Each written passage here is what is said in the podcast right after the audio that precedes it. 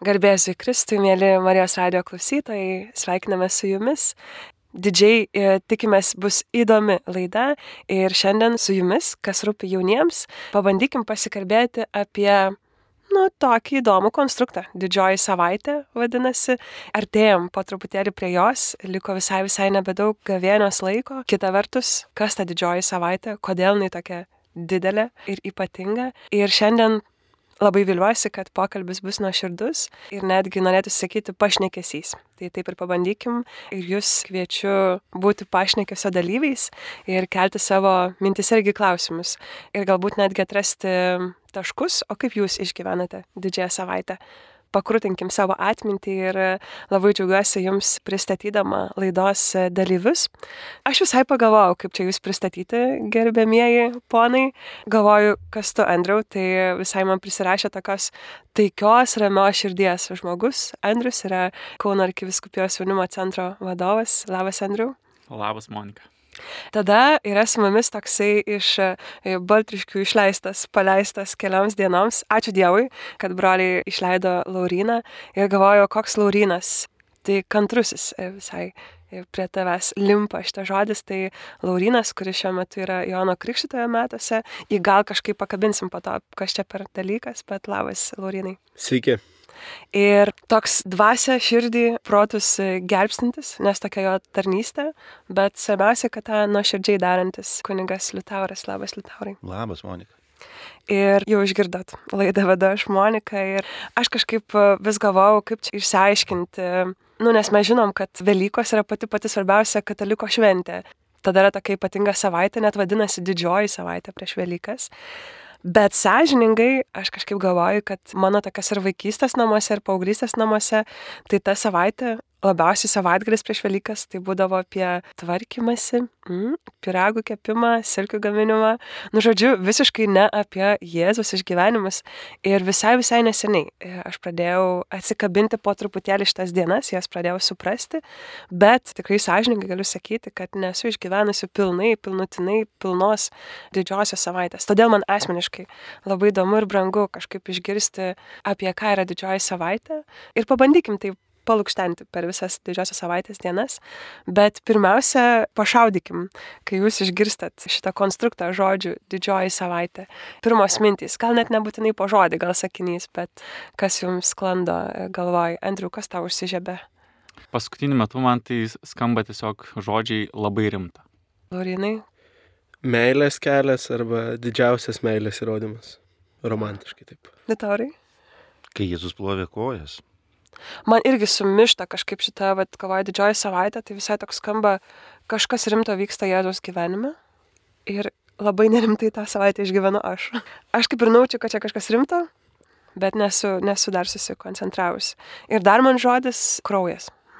Dabar akimirka jums klausytojai iškelti, koks, koks žodis suskamba jums, kai jūs išgirstat didžioji savaitė. Ir dabar taip visai praktiškai. Mes visai galim įsivardinti, galgi žinom, o kurios čia yra tos didžiosios dienos, liutaurai, kas yra ta didžioji savaitė. Mes gal galim apsibriežti, padarykim statymus. Andriu, kaip tu manai, kas yra didžioji savaitė, nuo kada iki kada? Nuo verbų sekmadienio iki sekmadienio. Iki sekmadienio. Čia ir galėtų būti spragelė. Laurinai, ką tu galvoji? Aš manau, kad nuo verbų sekmadienio iki Velyknakčio. Kas nebūtinai yra sekmadienis, Lietuvai atskleisdė šitą detalę. Tai yra nuo verbų sekmadienio iki didžiojo šeštadienio. Šeštadienis dar iki Velyknakčio, tai Velyknaktis na, prasideda jau vakare, jau saulė nusileidus. Tai va ta didžioji, didžioji savaitė, nes jau, jau Velyknaktis, jau mes įžengėme jau į, į Velykų šventimą. Gerai, verbų sekmadienis, tai čia jau yra didžioji savaitė ar dar ne, jisai atskiras, jau didžioji savaitė, neįžengiam. Bažnyčioje skaičiuojame laiką truputėlį kitaip, negu mes šiaip įpratę skaičiuoti nuo pirmadienio. Bažnyčia visą laiką skaičiuoja, kad pirmoji savaitės diena yra sekmadienis. Mes pradedame nuo sekmadienio skaičiuoti laiką, tai taip bažnyčioje skaičiuoja. Tai tada turime didįjį pirmadienį, bet kad nelabai kas vyko didįjį pirmadienį Jėzus gyvenime, ne? Aš irgi turbūt nelabai pasakyčiau ypatingo kažkokio liturginio tokio veiksmo, yra tiesiog Dievo žodis, mišios, bet kas žymiai, reiškia, tai būtent verbų sekmadienis. Nuo mm. verbų sekmadienio ta didžioji, kada Jėzus įeina, įžengia į Jeruzalę. Ta didžioji savaitė ir prasideda tuo įvykiu. Tai e, kažkokio ypatingo įvykio nebuvo didį pirmadienį ir antradienį. Na bent tiek aš nežinau, bet didysis trečianis jau prasideda. Tai vad kaip įdomu, e, galim pabandyti paspėlioti, ką veikia Jėzus įžengęs į Jeruzalę. Pirmadienį, antradienį, Laurinai, kaip manai? Aš manau, kad jis ieškojo vietos tos aukštosios menės galbūt. Ir buvo pasiruošimas. Man atrodo, kad iškilmiai reikėjo pasiruošti ir tai paskutiniai vakarieniai. Gal produktus susirinkti, geriausią vyną Jeruzalėje atrasti. Čia kaip įdomu, nes kai mes irgi išeinam į kokią piligriminę kelionę ir kažkur net irgi ruošiamės ir šiaip labai įdomu atvykus į naują vietą dar taip nurimti, pasiruošti keliui. Tai gerai, įdomu, įdomu, ką veikia Jėzus pirmas dvi dienas, nes trečiadienį tai jau rimti dalykai vyksta, ar ne? Liutaurai, gal tu gali praskleisti didį trečiadienį, kas vyksta, nes tu kunigas, tai gali būti, kad čia kažkokių reikšmingų dalykų jums nutiko. Būtent didį trečiadienį ir dėl ko nemažai krikščionių ir, ir, ir rytuose, bet taip pat ir katalikų, netgi ir pasnikaujama. Pavyzdžiui, ne, bažnyčia taip jau pasnika ir dėjus į penktadienį, ne kad penktadieniais katalikai pasnikauja, nes Jėzus mirė. Tai visomis tomis dienomis mes pasnikavome, bet yra bendruomenių, kurios taip pat ir trečiadienį pasnikauja, dėl to, kad trečiadienis yra toji diena, toje didžiojoje savaitėje, kada Judas parduoda už 30 sidabrinių Jėzų išduoda. Pat būtent toji diena žymima, tai ir vadinama taip Judo trečiadienis. Tai va ta, ta didžiosios savaitės toksai jau toks liūdnas įvykis, tai nuo to prasideda mhm. tas įvykis ir paskui jau mes jau keliaujam ten į visą didį tridienį, bet tai krikščionys kai kurie irgi vat, pasnikauja dėl to, kad irgi vat, dėl, dėl to įvykio, kuris toksai yra, kad Jėzus išdavystė. Aš visai kažkaip senokai iš tavo girdėjusi, nes dabar dažniau girdžiu, kad judas nebūtinai, man kažkaip brangu gal buvo šitą patvirtinimą išgirsti, ne tai, kad išdavė, jis įdavė Jėzų, ar ne, nes jo traškimas buvo truputėlį kitas, ne tai, kad pasipelnyti arba, nežinau, man gražu tai, kad jisai vilėsi, kad Jėzus čia pagaliau parodė savo dievystę ir kad, nu, kažkaip jis labai tikėjo Jėzumi ir, ir norėjo, kad pagaliau Jėzus įrodytų visiems, kad yra Dievas. Jis kažkaip, nu, nesitikėjo, ar ne, dabar taip visai neseniai girdėjau šitą aiškinimą vieno kunigo, kad Judas nesitikėjo, kad Jėzus, nu, neišsivaduos iš mirties ir kad kažkaip jį užkniso, žinai, jį erzino, kad kiek galima tu esi Dievas, tai daryk kažką. Įdomus momentas yra apie Judą aplamai, apie jį patį kaip asmenį, tai kad, na, bažnyčios istorikas, pažiūrėjau, Zebis Cezarietis, tai būtent mini, kad Judas buvo Jėzaus giminaitis, buvo jo pusbrolis. Tai toks, kuris jo aplinkoji, kaip sakant, kraujo net giminystę turėjęs, žinai, ta paštalas, ar ne. Jėzus jį pasirinko, net ir numatydamas tikriausiai, kad kas atsitiks tas judo bučinys. Tai toks yra dalykas, kur, kaip sakant, na, apie bučinį mes galim kalbėti. Čia atskirai turbūt ar ne, kad bučiniu galima parodyti ir artumą, ir bučiniu galima padaryti net ir labai skaudų dalyką, ar net įduoti, ar ne, kaip tu atsakai, Jėzų, reiškia, į romėnų kareivių rankas. Judo bučinys, tai ženklino, ar ne, kad tai gali būti ir išdavysės simbolis kaip bučinys. Gerai, mes esam keturiese, pabandom išsiaiškinti, kas iš mūsų didįjį trečiadienį pasninkauja. Ne aš. Laurinas purto galvą, Liutaurai. Oi, daug metų tai darydavau. Dabar taip jau rečiau. okay. Aš irgi nesu praktikavus didžiojo trečiadienio pasninkui, bet kaip įdomu, nes vat, visai jau, jau pirmas faktas, ką galima būtų daryti, jeigu norėtųsi išgyventi didžiąją savaitę. Tai pavyzdžiui, toks siūlymas didį trečiadienį pradėti pasninku gražu. Galim judėti prie kitos dienos, ketvirtadienis sekoje. Ir didį ketvirtadienį dar rimtesni dalykai vyksta. Čia jau Jėzus priveikia irgi dalykų. Tai Liutaurai gal gali dar truputėlį mums duoti žinių. Jo, jeigu klausia, ką Jėzus priveikė, nes dar, dar ir bažnyčia yra įdėjus dar vieną Taip. momentą ryte ketvirtadienio, didžiojo ketvirtadienio, bet jeigu klausi apie Jėzų, tai yra va, tai, ką sakė Laurinas. Tai jau buvo visa suruošta ir, ir menė parengta, ir produktai visi surinkti ir pasiruošta tai didžiajam tam įvykiui, tai didžiai vakarieniai kurią mes vadiname paskutinė vakarienė. Reiškia, ir net mišes mes vadiname pirminis toks, tai yra paskutinė vakarienė. Tai yra viešpaties vakarienė su savo mokiniais, labai tame artimame savo ratelėje, kurie šventė šitą didį įvykį ir tai yra mišių steigimo diena. Tai būtent didysis ketvirtadienis, kada mes e, švenčiame mišes, kurių pradžia buvo pati pati pradžia ir pirmosios mišios buvo paukotos būtent didžiojo ketvirtadienio vakarą. Kaip įdomu, nes bažnyčia po to, gal tu prisimeni, kilintas amžius yra, kai jinai paskiria šitą dieną kunigystės įsteigimui. Oi, nepasakysiu, nesu bažnyčios toks labai kietas istorikas, kaip čia buvo šitas paskelbtas kunigysės įsteigimas. Tikrai apie datas ne, nežinau, bet e, tai yra būtent ta diena, ar ne? Kada kunigai vieni kitus sveikinam, ta, ta, ta malonė, ar ne, kuri ateina kur Jėzus dovanoja, ar ne, apaštalams, sako, kam atleisite nuodėmės, tam jos bus atleistos. Ir visa, visa šita Jono Evangelijos, vat, ta Jėzaus malda su apaštalais kartu, būtent kada jie taip sakyčiau, koncelebruoja pirmasis mišės su Jėzumi, kuris jas aukoja ir jie yra dalyvauja visame šitame šitoje vakarienėje. Tai kunigai, kai jie yra išventinami, jie taip pat panašiai su arkivyskupu. Jisai celebruoja, išventinami kunigai, jie koncelebruoja. Tai va tas paskutinės vakarienės veiksmas, kurį darė ir Jėzus, jisai kartu aukojo pirmasias mišes su apaštalais ir apaštalai kartu koncelebravo mišes. 12 apaštalų plus Jėzus.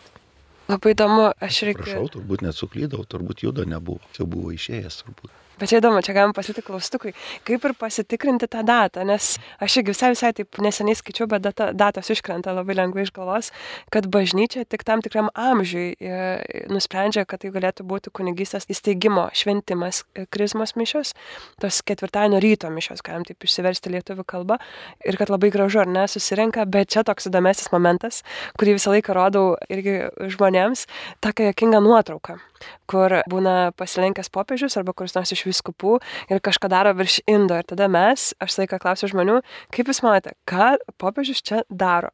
Ir aną savaitę kalbėjausi su tėveliais, kurie veda savo vaikus pirmos komunijos. Mes turim susitikimus sekmadieniais ir jie turėjo įdomių versijų kažką gal kalba ten į tą indą, žodžiu, tada visokių būna versijų, kas tame inde galėtų būti. Ir kai aš pasakau, kad ten yra aliejai, kurie bus naudojami sakramentams, tai tie tėveliai turi dar įdomesnių versijų. Įdomiausias buvo klausimas, nes tada jau mes išsiaiškinam, kad ten popiežius arba vyskupas, nu, popiežius yra vyskupas, kvepia, įkvepia tuos aliejus, ar ne, šventąją dvasę ir po to tie aliejai yra naudojami, ar ne, sakramentams teikti. Tai manęs paklausė, sako, o tai pala pala, kai buvo COVID, -as. kas tada buvo? Ar popiežius ir viskupai kvėpė, nu, tai bakterijos, viską ir tada visi dalinosi bažnyčioje? Aš nežinau, mes galime atsakyti šitą klausimą, nes e, nebūtinai tyrinėjom šitą. Ar per COVID jūs irgi rinkotės ir Mhm, šventėte? Per ar COVID buvo... mes dalyvavome dėje, dalyvavome tik tai nuotoliniu būdu ir, ir su arkivyskupu tas krizmos mišes koncelebravo tik tai berots dekanai arkiviskupijos, tai tokiame mažame rate. O mes atnaujinome savo kunigystės pažadus, tai nuotoliniu būdu prisimenu, kad sėdėjau pas save kambarį priešais kompiuterio ekraną ir, ir dalyvau taip mišiuose. Tai, tai turbūt, nu, daug dievė, kad tokios būtų pirmos ir paskutinės, nes tai nuotoliniu būdu, nu, kažkaip tai keista. Dabar net gaminsiu ten, neprisiminsiu tiksliai, ar jis ten kvėpė, ar, ar kaip ten buvo. Bet tas jo tai yra tas biblinis, evangelinis, tas būtent Jėzus, kad Jėzus kvėpė į apaštalus, būtent sakė, imkite šventąją dvasę. Ne? Ir yra tas rytuose visur, rytų tradicijoje, tai ten kunigai šventina visus dalykėlius būtent tuo būdu, jie irgi kvepia. Mat buvau Jeruzalėje, paprašiau koptų vienuolio kunigo palaiminti dalykėlius, kuriuos jam pasi parduotuvėlė įsigijau ir sakau, palaiminkite, tai jisai irgi palaimino ir būtent kvėpė. Tai didį ketvirtadienį šitą turime, o rytuose tai jie visą laiką šitą praktikuoja. Tai dar čia tik taip pastabdysiu, kad mes visi įsivaizduotume, kaip atrodo tas ketvirtadienis. Tai kad ryte, kaip ir kunigas Litauras sakė, visi vyskupijos kunigai tai pagal teritoriją ir nesuvažiuoja pas savo ganytoją, pas vyskupą arba arkivyskupą, jeigu čia kaune, ir kartu švenčia atnaujindami savo kunigystės įžadus. Ir vyskupas laimina aliejus, kurios tada išdalina kunigams, jie išsivežioja pas save į bažnytėlės ir šitais aliejais yra palaiminami ar ne žmonės priimantis tam tikrus sakramentus.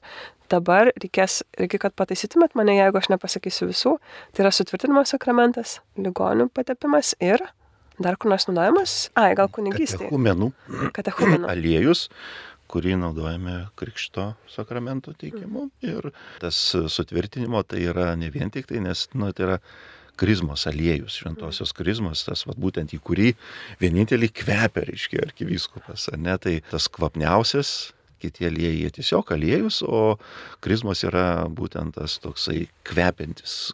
Tai jį naudoja ir krikšto metu, ir sutvirtimo metu, ir kunigystėje, ar net. O tada ketvirtadienio rytas baigėsi, kunigai išsivažinėja, nežinau, net švestą turbūt, viliuosi, kad kažkaip atšvenčiat savo kunigystės atnaujinimą, nu, įžado atnaujinimą. Ir tada turime vakarą, šventas mišes, kurios irgi yra labai labai patingos. Dabar galim jų nekabinti, nes man visai smalsu paklausti, kaip kiti išgyvenate, ar jau nuo čia kažkas vyksta jūsų gyvenimuose, bet Andriu, kaip įprastai atrodo tavo didžioji savaitė? Šiaip gal labai keistai iš manęs nuskambės, bet aš neturėjau tokios tradicijos anksčiau švesti šeimoje didžiosios savaitės, nesureikšmindavau, gal būdavo verbų sekmadienis, ne, tikrai populiaru ir mes jį švesdavom, galima sakyti taip, verbų sekmadienį, o visos savaitės tai neišgyvendavau, tik tai žinodavau, kad ne, anksčiau, pavyzdžiui, kai dar jaunesnis buvau, pas tėvus gyvenau, kad jis yra bet nesureikšmindavom, tik tai penktadienį, ne, per pasniką sureikšmindavom ir tada jau žinojau, ne.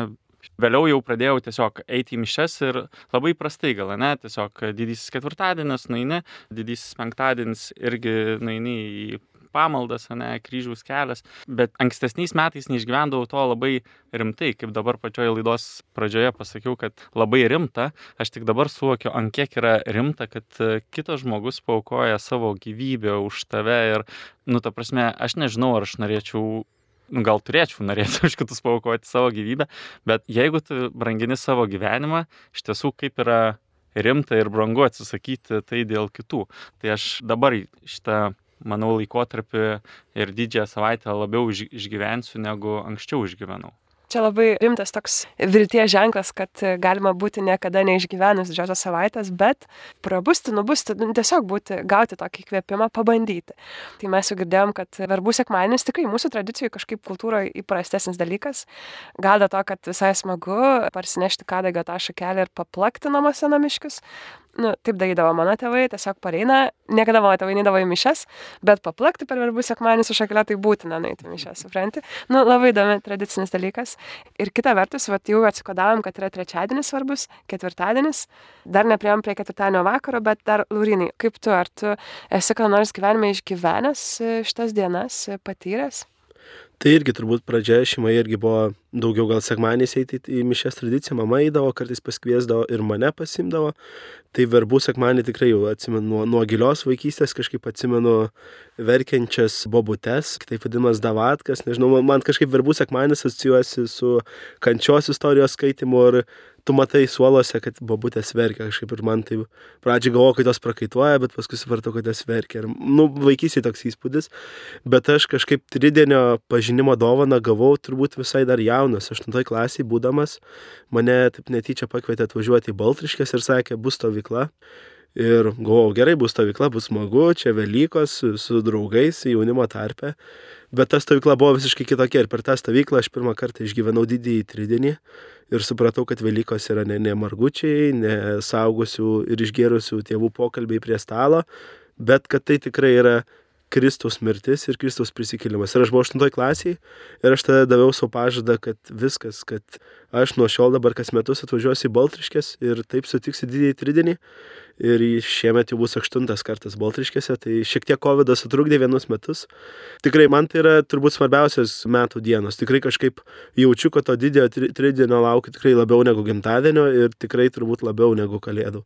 Labai svarbi kažkokia rutininių metų dalis, kai kažkokie lyg naujieji metai, lyg nauja kiekvienų metų pradžia labai brangu, nes dar kita pusė, ar ne, dar kitas įkvėpimas, kad tai yra vis dėlto realu išgyventi.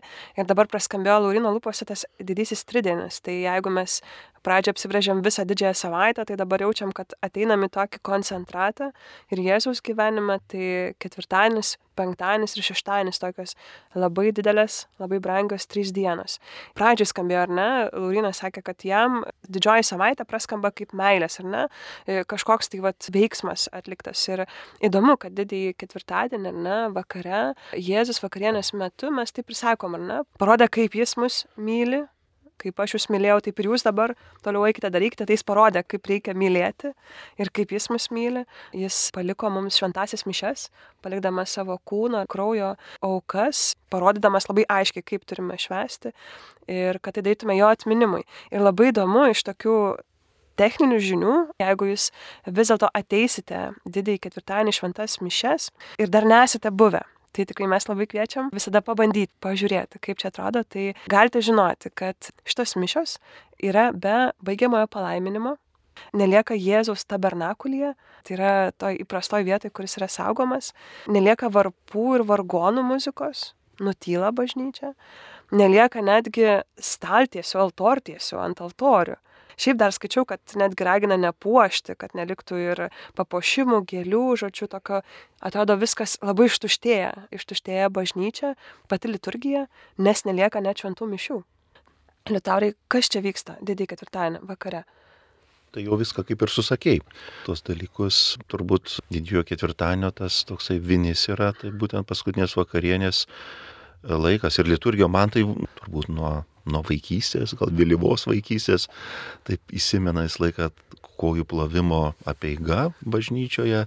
Ir čia jau gal studentiškas jau mano laikotarpis, tai kai eidavau visą laiką į Vitautinę ir aš laiką laukdavau, ar Zakristijonas praeidamas, nes jis laiką kviesdavo, kas norėtų dalyvauti, reiškia, kojų plovimo toje peigoje, kada kunigas, jisai nusiema kunigiškus rūbus, čia mišių metu yra ta peiga po pamokslo, tada susėda 12 vyrų, taip jau būdavo seniau, bent jau, ir jiems ir plaunamos kojos. Tai aš, atsimenu, laukdavau, ar mane pakvies, ar nepakvies. Tai, būdavo, nu, kažkas tokio, mane tai su, su, supurtydavo turbūt iki sielos gelmių, tai kad kunigas atsiklaupia ir jisai plauna kojas. Tai reikia patirti, reikia tai išgyventi, nes, nu, nežinau, kažkaip viskas tokia, va, kaip sako Laurina, žinai, ta meilė, bet tokia meilė, kuri tave tiesiog sukrečia.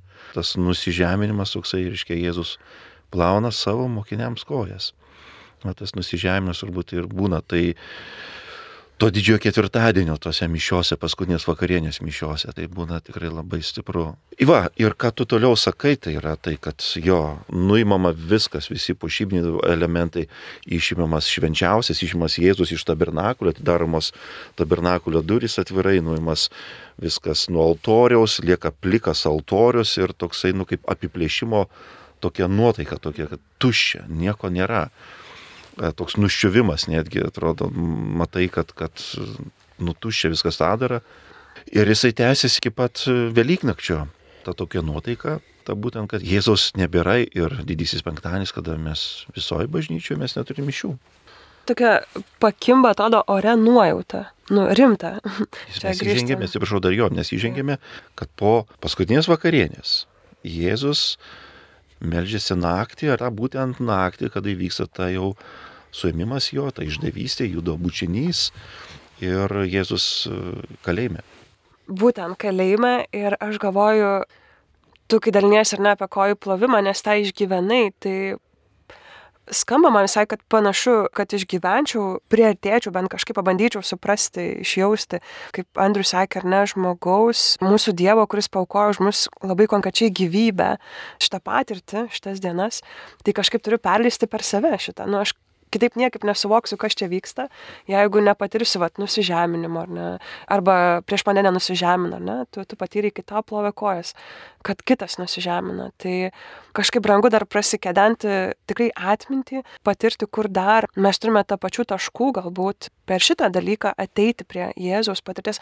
Aš suprantu, kad neįmanoma mūsų ir ačiū Dievui, kad neįmanoma mums žmonėms patirti tokio maksimumo, kaip patyrė Jėzus, nes tai yra, turbūt bijotume dar labiau negu Jėzus bijojo ir, ir baiminosi, ar ne, ir netgi šaukėsi tėvo atšaukti kažkaip šitą taurę, bet tokia tuštuma, apleistumas, išdavystė, daug tokių dalykų skamba, kurie mums žmonėms tai nupurto, aš ne, negaliu savęs norėti įdėti šitas situacijas, bet mane šitą savaitę kviečia prisiminti, kad Jėzus tai išgyveno. Tai kaip? Tai gal pabandykim, Laurinai, gal pažįsti kokią nors tokią vietą, kur, nu, kur jau teisi iki maksimumo apleistas, nežinau, ar tau realu ką nors prisiminti galvodamas apie didįjį penktadienį, apie tą tylą ir tuštumą, tai turbūt pradžią gal galvojau apie gal kažkas savo asmeninio gyvenimo netiktis, tai turbūt pats pirmas momentas, kurį prisimenu, tai turbūt yra mamos pasitraukimas iš gyvenimo prieš keturis metus, tai tikrai ta kančios taurė, kur tikrai gal norėjosi atšaukimo ir tas kartu ir nusižeminimas ir, ir kartu nuprimimas tos kančios. Ir kartu suprantu, kad turbūt dar vienas man labai stiprus toks tuštumos sukrėtimas įvyko turbūt pernai metais vasario 24 dieną, kai prasidėjo Rusijos invazija, ne, neprasidėjo, bet paaštrėjo. Ir nuo, nuo tą dieną, kai mes pradėjom skaičiuoti tas karo dienas, turbūt tiek ši, tiek praeita gavienė man buvo pilna ne tik Kristaus kančios, bet ir pilna tų vaizdų, sugriautų miestų, civilių gulinčių tiesiog gatvėse ir tikrai to vykdomo genocido prieš ukrainiečius, prieš mūsų brolius. Ir kažkaip pernai didįjį penktadienį supratau, kad kaip Marija stovėjo prie kenčiančio Jėzaus kryžiaus, ji tiesiog stovėjo, ji nieko negalėjo padaryti, negalėjo atšaukti, negalėjo kažkaip nuimti Jėzaus nuo, nuo, nuo kryžiaus. Taip ir mes atrodo stovime prie tų kenčiančių brolių ir nieko negalime padaryti kaip ir nieko negalim padaryti, bet tas stovėjimas tai yra turbūt tie maži galestingumo darbai - paremti kitą, nežinau, susimesti bairaktarui ir radarui ir tiesiog daryti mažus darbus ir tiesiog stovėti kartu ir būti prie kryžiaus. Tai man kažkaip turbūt asocijuojasi su ta tuštuma, bet ne tik su giliausiu skausmu, bet ir su viltimi. Nes man didysis penktadienis tai yra, tu žinai, kad yra tuštuma, tu matai tuštumą, bet tu žinai, kad jau didįjį šeštadienį žiburių liturgijos metu nuskambė žodžiai Kristus mums šviečia. Ir man tai turbūt buvo stipriausias momentas tiek e, gedalo metu išgyvenant mamos netitik. Ir tai tikrai, galbūt ne taip kaip Kristus, tai neįvyko perkeitimas per tris dienas, galbūt tas gedalo laikas buvo ilgesnis, tai buvo galbūt metai ir daugiau, bet aš žinojau, kad ateis tas didysis šestadienis, kad aš išgirsiu tuos žodžius, kad Kristus mums šviečia.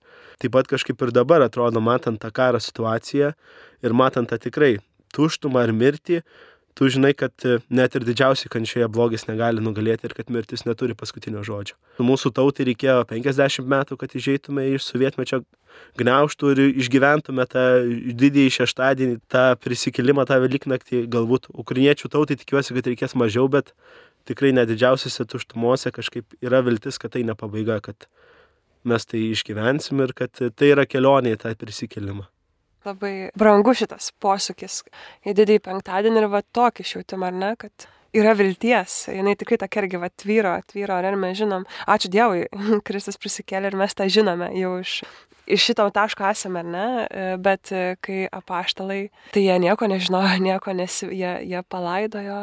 Ir dar baisiausia kryžiaus mirtimi nukankinta, ar ne, savo mokytoje. Tai tikrai toksai vis tiek brangu, brangu išgyventi, gal e, tikrai pasikviesti save išgyventi tą, tą tuštumą.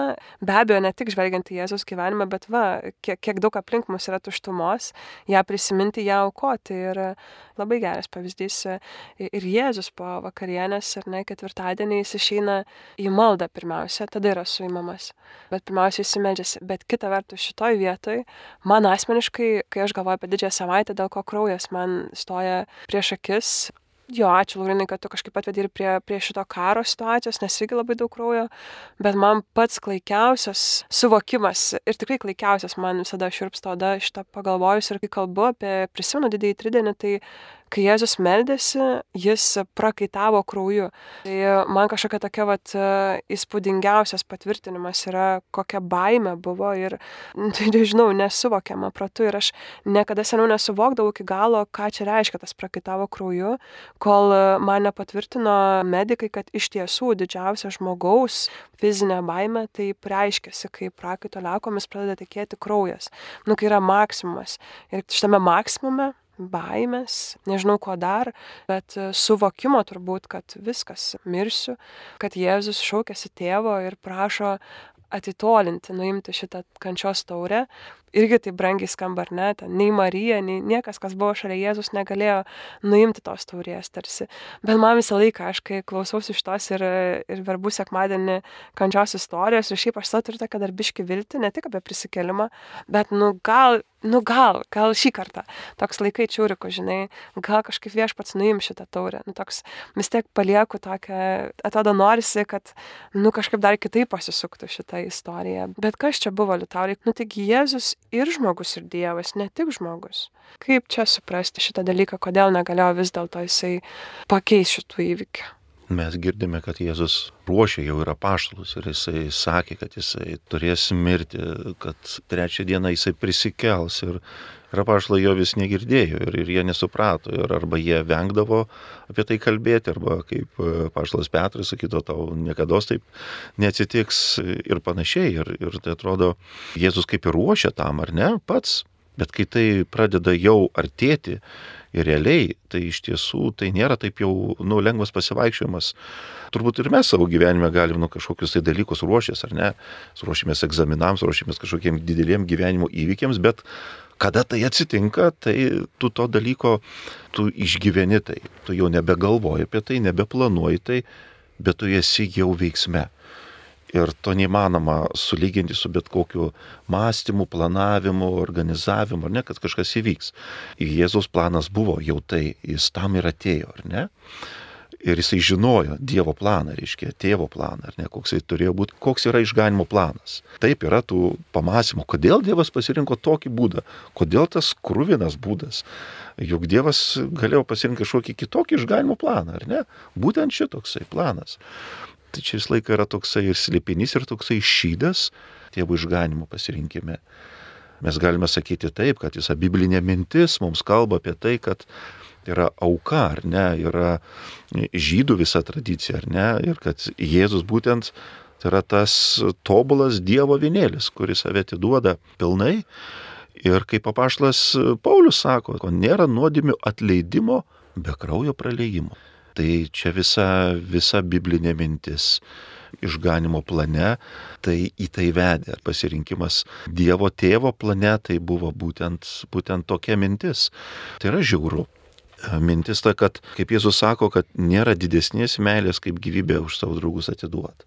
Kaip tą gyvybę atiduoti, mes nesame pašaukti savęs aukoti krūvinų būdu, kad panašėtume mes ar ne į Jėzų, bet e, dovanoti savo gyvybę galima labai įvairiai. Mes kiekvienas dovanojame savo gyvybę, kaip ir dabar, va šitoje radio laidoje mes dalyvaujame, mes dovanojame savo laiką. Tai yra mūsų gyvybė labai konkreti. Nu, Nuo pradžios iki pabaigos gyvenimo. Mes dovanojame savo gyvybę netokiame laipsnėje, kaip Jėzus dovanojo. Tokiam bet, mažyčiame. Minimaliam. tai yra irgi mūsų gyvybė. Mūsų gyvybė labai apskaičiuota, ar ne? Mes turime labai konkretų ir tikslų savo dienų, minučių, sekundžių skaičių šitoje žemėje, šitą gyvybę. Tai irgi yra mūsų gyvybės dalis. Aha, labai sunku, gal vat, ateis, ne, tas didysis penktadienis ir mes bandysim prisartinti prie Jėzaus įvykių. Ir kita vertus, kai taip pat galvoji, kad čia mano laikas kažkoks vertingas, tai tikrai minimalistiškai labai skamba, kad prisartini prie aukos. Kita vertus, kai atsigrėži, man visai padeda atsigręžti į šventųjų istorijas ir ta viena nes, neseniausių, kaip nu, mūsų laikų ar ne istorija, kur labai konkrečiai mes turime Maksimilianą Kolbę, kuris 1941 metais, tai tuo metu labai konkrečiai paukoja savo savo gyvybę už kitą. Tai man truputį irgi lengviau yra tada suvokti, ką čia Jėzus padarė dėl manęs. Jeigu grįžtant prie Maksimiliano Kolbės, tai labai konkrečiai, ar ne, tuo metu iš koncentracijos stovyklos pabėgo vienas kalinys ir už vieną kalinį būdavo baudžiama ar ne kitų kalinių gyvybėmis. Nu, kad visi matytų, vienas pabėga, dešimt stoja į mirtį, ar ne. Ir Maksimilianas Kolbė papuolė su, su kitais vyrais į tą dešimtuką žmonių, tik tai tas išskirtinumas jisai buvo, buvo kunigas. Tarsi mes galėtume galvoti, nu, tai kaip ir jam apsispręsti, paukoti savo gyvybę nebuvo taip jau labai sudėtinga, nes jis nieko neturi. Tokia pagunda į šitą atsiremti, ar ne?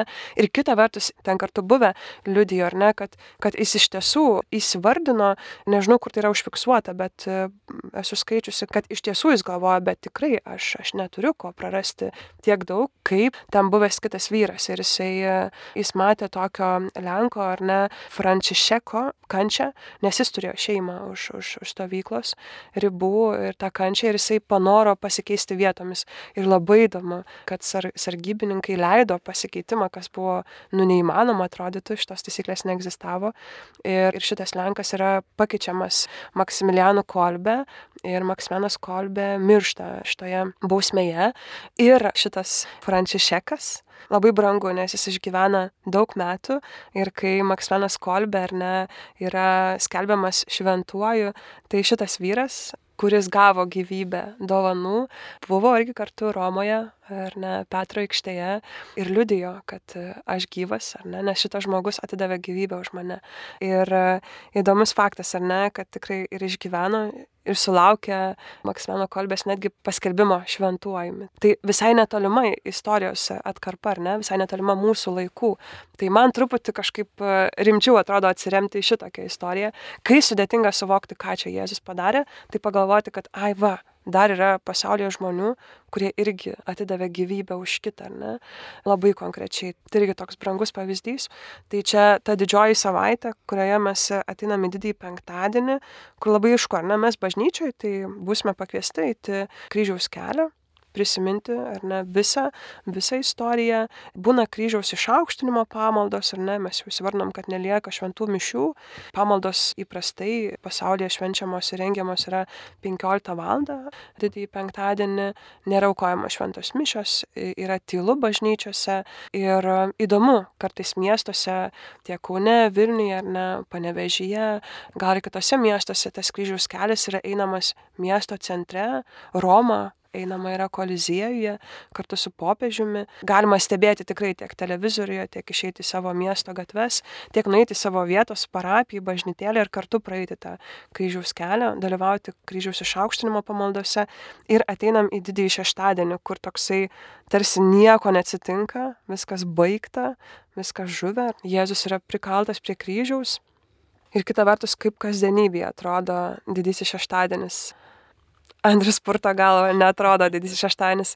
Tai jau truputėlį dalinaisi, bet gal gali praskleisti kaip. Kad e, didysis šeštadienis, aš galvoju, kad iš šeimos tradicijos tai va yra tas laikas, ne, kad e, sako Velykos, iki Velykų reikia susitvarkyti ir būdavo ta per tokį tvarkymasi kažkokį per tvarkymasi. Nežinau, kodėl taip va, šeimoje išgyvena, bet asmeniškai gal ir turiu tas e, šiek tiek tradicijos perimęs, kad visai reikėtų susitvarkyti, pasiruošti, ne, nes yra ruošiamas šventijai, gal iš to yra tas didysis šeštadienis.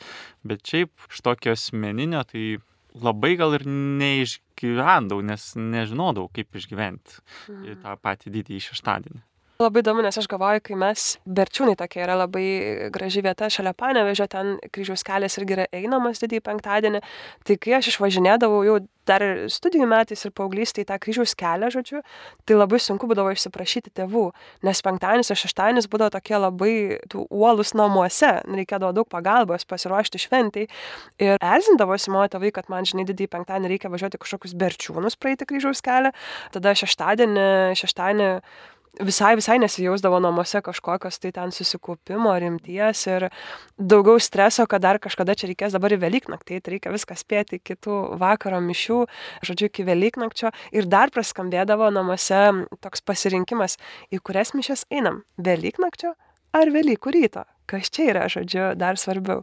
Tai įdomu, kad va taip paprastame, negaliu sakyti paprastame, tiesiog kasdieniškame gyvenime praskamba tokie klausimai, kaip čia viską suspėti, nes reikia ir šventai pasiruošti, ir kita vertus jaučiam, kad vyksta rimti dalykai.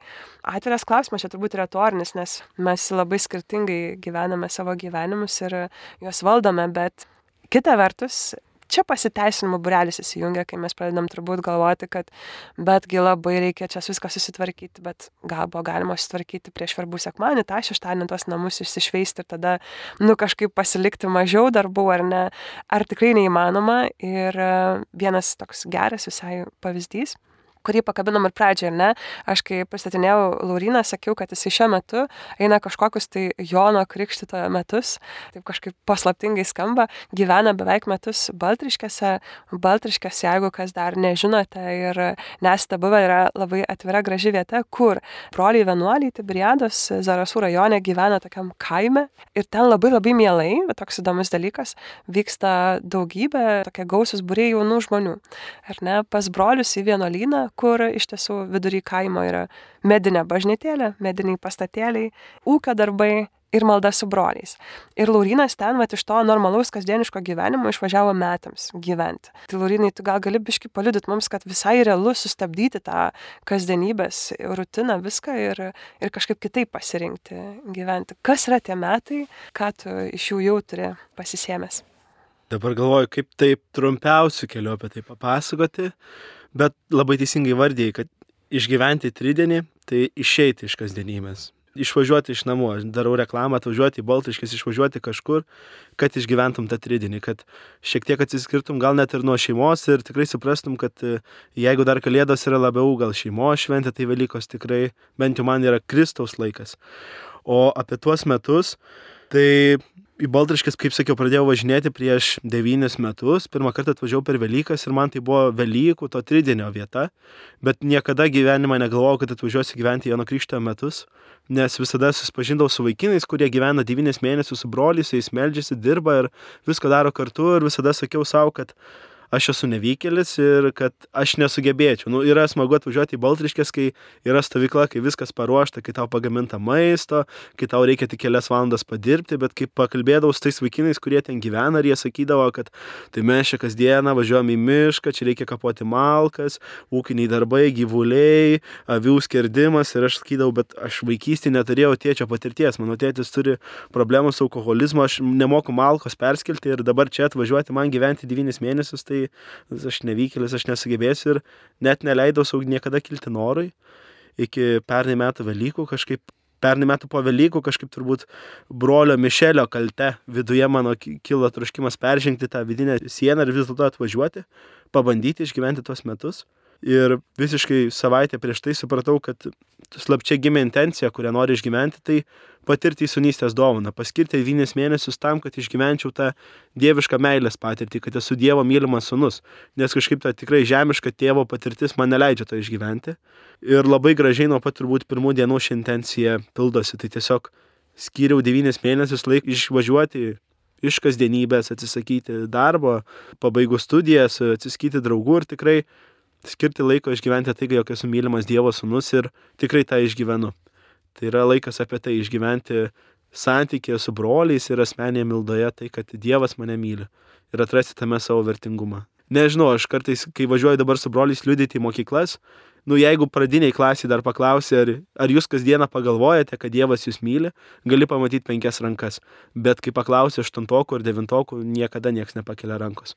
Aš taip pat nepakeldavau rankos, jeigu manęs paklausdavau, ar tu šiandien pagalvoji, kad Dievas tave myli, tai atvažiavau į Baltiškės išgyventi tą Dievo meilės patirtį. Ačiū, labai brangiai skamba tas, kad išgyventum Kristaus patirtį, reikia atsitraukti nuo savo kasdienybės. Ne tik Kristaus patirtį, bet ir Kristaus patvirtinimą, kad esi mylimas, esi brangus, atsitraukti nuo, nuo kasdienybės. Be abejo, gan radikaliai gali praskambėti, ar ne, atsitraukti nuo šeimos, nes mes esam pratę, kad Velykos tai toksai, nu, šeimos šventė, ar ne, suvažiuos tėtos, pusbroliai, močiutė, seneliai, bet gali būti, kad jeigu jūs dar neturite tokio vat, paraginimo širdyje atsitraukti ir kažkur ar neatsitraukus išgyventi didįjį tridienį, gal net tokių galimybių, bet gal jūs esate paraginimas šeimai pabandyti išgyventi bent dalelę tą didįjį tridienį, ne, susitelkti, atnešti į namus žinę, kad dėmesio šiandien vis dėlto yra didysis penktadienis ir einam visi kartu, visa šeima, vat, kryžiaus kelią, ar ne, arba įsijungiam LRT ir pažiūrime iš to kolizėjaus popiežiaus, ar ne, einama kryžiaus kelią ir panašiai, žodžiu, pačiam tapti tuo paraginimu namuose, neatsitraukus pilnai nuo šeimos. Ir kita vertus, visą tai galima irgi suderinti. Aš irgi asmeniškai šiais metais turiu troškimą atsitraukus išgyventi didį tridienį, nu ir tada jau sekmadienį po šventų Velykų mišių, ar vis tiek uoliai, uoliai keliauti pas savo močiutę, su jomis atsisėsti prie Velykų stalo ir dalintis to džiaugsmu. Bet neįpulti tą rutiną, ruošiant namus, ruošiant maistus. Nu, žodžiu, dėti skirti, dėti reikšmę ant kitų dalykų tokią svarbą, ar ne. Tai man atrodo viskas yra įmanoma ir apkalbėjom didžiąją savaitę, susitraukiam koncentratu į didįjį tridienį ir visai norisi palikti jums klausytojai įkvėpimui mintį. Tiesiog kiekvienas gal iš mūsų mes galime dabar taip truputėlį pagalvoję vieną, nežinau, sakinį, du sakinius, ką paliekam, kokį įkvėpimą žmonėms ir patiems savo tai tikrai man praskamba tai, kad niekada nėra vėlu bet kad išgyventum tą esminę didžiąją savaitę, vis dėlto ją reikia atskirti nuo kasdienybės. Ir man asmeniškai reikia radikalesnių būdų. Man nepavyksta kasdienybėje namuose, vat visiškai savo būtyje atsiskirti, atsiriboti ir susikoncentruoti. Tai dėl to aš ieškosiu būdų, kaip, nu, kaip savo padėti, nes sunku man kasdienybėje kažkaip vat, būtų išgyventi. Na, aš jaučiu, kad šitiek metų dar nepavyko, nu, tai vadinasi, kažką daryti su tuo. Tai kaip tau, Liutaurai, kaip, kaip tu dar save, būdamas kunigas, gali pakviesti ir per savo pavyzdį išgyventi didžiąją savaitę? Nu jo, teisingai pastebėjai, tikriausiai, nu, bažnyčia neakcentuoja niekada niekur taip, kad uh, būtų labai svarbu susitvarkyti savo kambarius, namus ir savo aplinką ir panašiai ir panašiai. Bet ką bažnyčia kviečia, tai visą laiką apvalyti savo širdis, ar ne? Ir tai visada būna ir parapijos rekolekcijos, ir sutaikinimo pamaldos vienokios arba kitokia forma vykstančios. Ir visas šeštadienis taip, mes kunigai, nu taip, ir aš galiu prisipažinti, kad nelabai aš spėju ir susitvarkyti ir savo kambarių nes tas laikas būna skirtas didį šeštadienį iki pat vakaro būdime klausyklose, tai vat, kad žmogus galėtų sutikti šitą šventės tikrai su, su džiaugsmu širdyje. Jis yra susitaikęs savo širdyje su ten, kur jam reikia susitaikyti, atsiprašęs, ten, kur jam reikia atsiprašyti ir, ir pasiruošti tikrai savo širdimi, tai tą bažnyčia visada akcentuoja. Geras išpažinties sakramentas. Laurinai, ką tu paliktum įkvėpimui? Tai kaip jau minėjau, tai man Kristaus kančia ir ta didžioji savaitė tai yra meilės kelias. Man atrodo, kad tas Kristaus kančios kelias tai yra didžiausias meilės mums įrodymas, bet kad tą išgyventume, tą priimtume, reikia kažkaip iki Velykų tikrai ar sudalyvauti rekolekcijose, ar kažkaip tikrai išeiti iš kasdienybės, išeiti iš to namų tvarkymo, iš margučių, nežinau, dažym, kad ir kokia tai yra brangi tradicija, bet kažkaip atrasti laiko. Nes aš kažkaip supratau, kad, nu jeigu tu šiaip, e, nežinau, švesi Velykas e, namų tvarkymu, tai tavo Velykos pasibaigs antradienį, kai tu išeisi į darbą ir tada skūsės, oi, čia svečių buvo, visko buvo, visiškai tik pavargau per šitas laisvas dienas, nieko nepajaučiau. Bet man, kai aš atsiskiriu ir kai tikrai iki Kristaus prisikėlimo sekmadienio būnu baltriškės, išgyvenu tą tridienį, tai po to aš galiu tas Velykas švesti visą Velykų laiką, visas septynias ar aštuonias savaitės iki pat sėkminių gyventi to Kristaus prisikėlimo džiaugsmu, nes aš išgyvenu tą vidinę kelionę. Nes jeigu tu sutvarkai kambarį vienam savaitgaliui, tai po svečių išvažiavimo pirmąjį kambarys vėl yra purvinas. Bet jeigu per tu tą tridienį gali susitvarkyti vidų, nueiti iš pažinties, išgyventi Kristaus kančios apmąstymus ar kažkokią kitą labai stiprią asmeninę patirtį, tai tai tikrai paruoš tave prisikėlimo džiaugsmui ir jisai tikrai truks ilgiau, negu tas kambarys išliks švarus. Jo, dažnai skamba šitas, kad e, labiau pavargau negu šventes pajaučiau. Tai, Andriu, paliko įkvėpimą? Aš tai gal palikčiau įkvėpimą suvokti, kad e, tai buvo tikra istorija ir e, suprasti, kad tai yra realu ir didysis tridinis yra atkartojimas ir prisiminimas tų tai, kas įvyko. Ne? Tai suvokti tą realų, man kaip logiškam, noris, norinčiam būti logiškam protui, tai suvokimas, kad tai yra tikra istorija. Ne? Ir tada gali išgyventi, tikrai bandyti suprasti, kas tenai įvyko ir dėl ko tai įvyko tikrai gausus e, įkvėpimo momentas ir e, tiek išpažintis, ar ne, tiek padarimas oro, ar ne, padarimas vietos prisiminti Jėzų, jo kelionę ir tuo pačiu išgyventi savo vidinę kelionę. Tai taip norisi sumuoti, apibendrinti ir viliuosi, kad jums šitas mūsų pašnekesys irgi brangus ir duos bent kokį mažą įkvėpimą iš tiesų būti didžioji savaitė ypatingai, nes girdim patį pavadinimą, kad tai yra kažkoks didelis ir rimtas dalykas. Tai gera buvo būti su jumis, pasidalinti savo mintimis, kai kuriems turbūt ir žiniomis apie didžiąją savaitę ir gražaus jums vakaro, garbė Jėzui Kristui.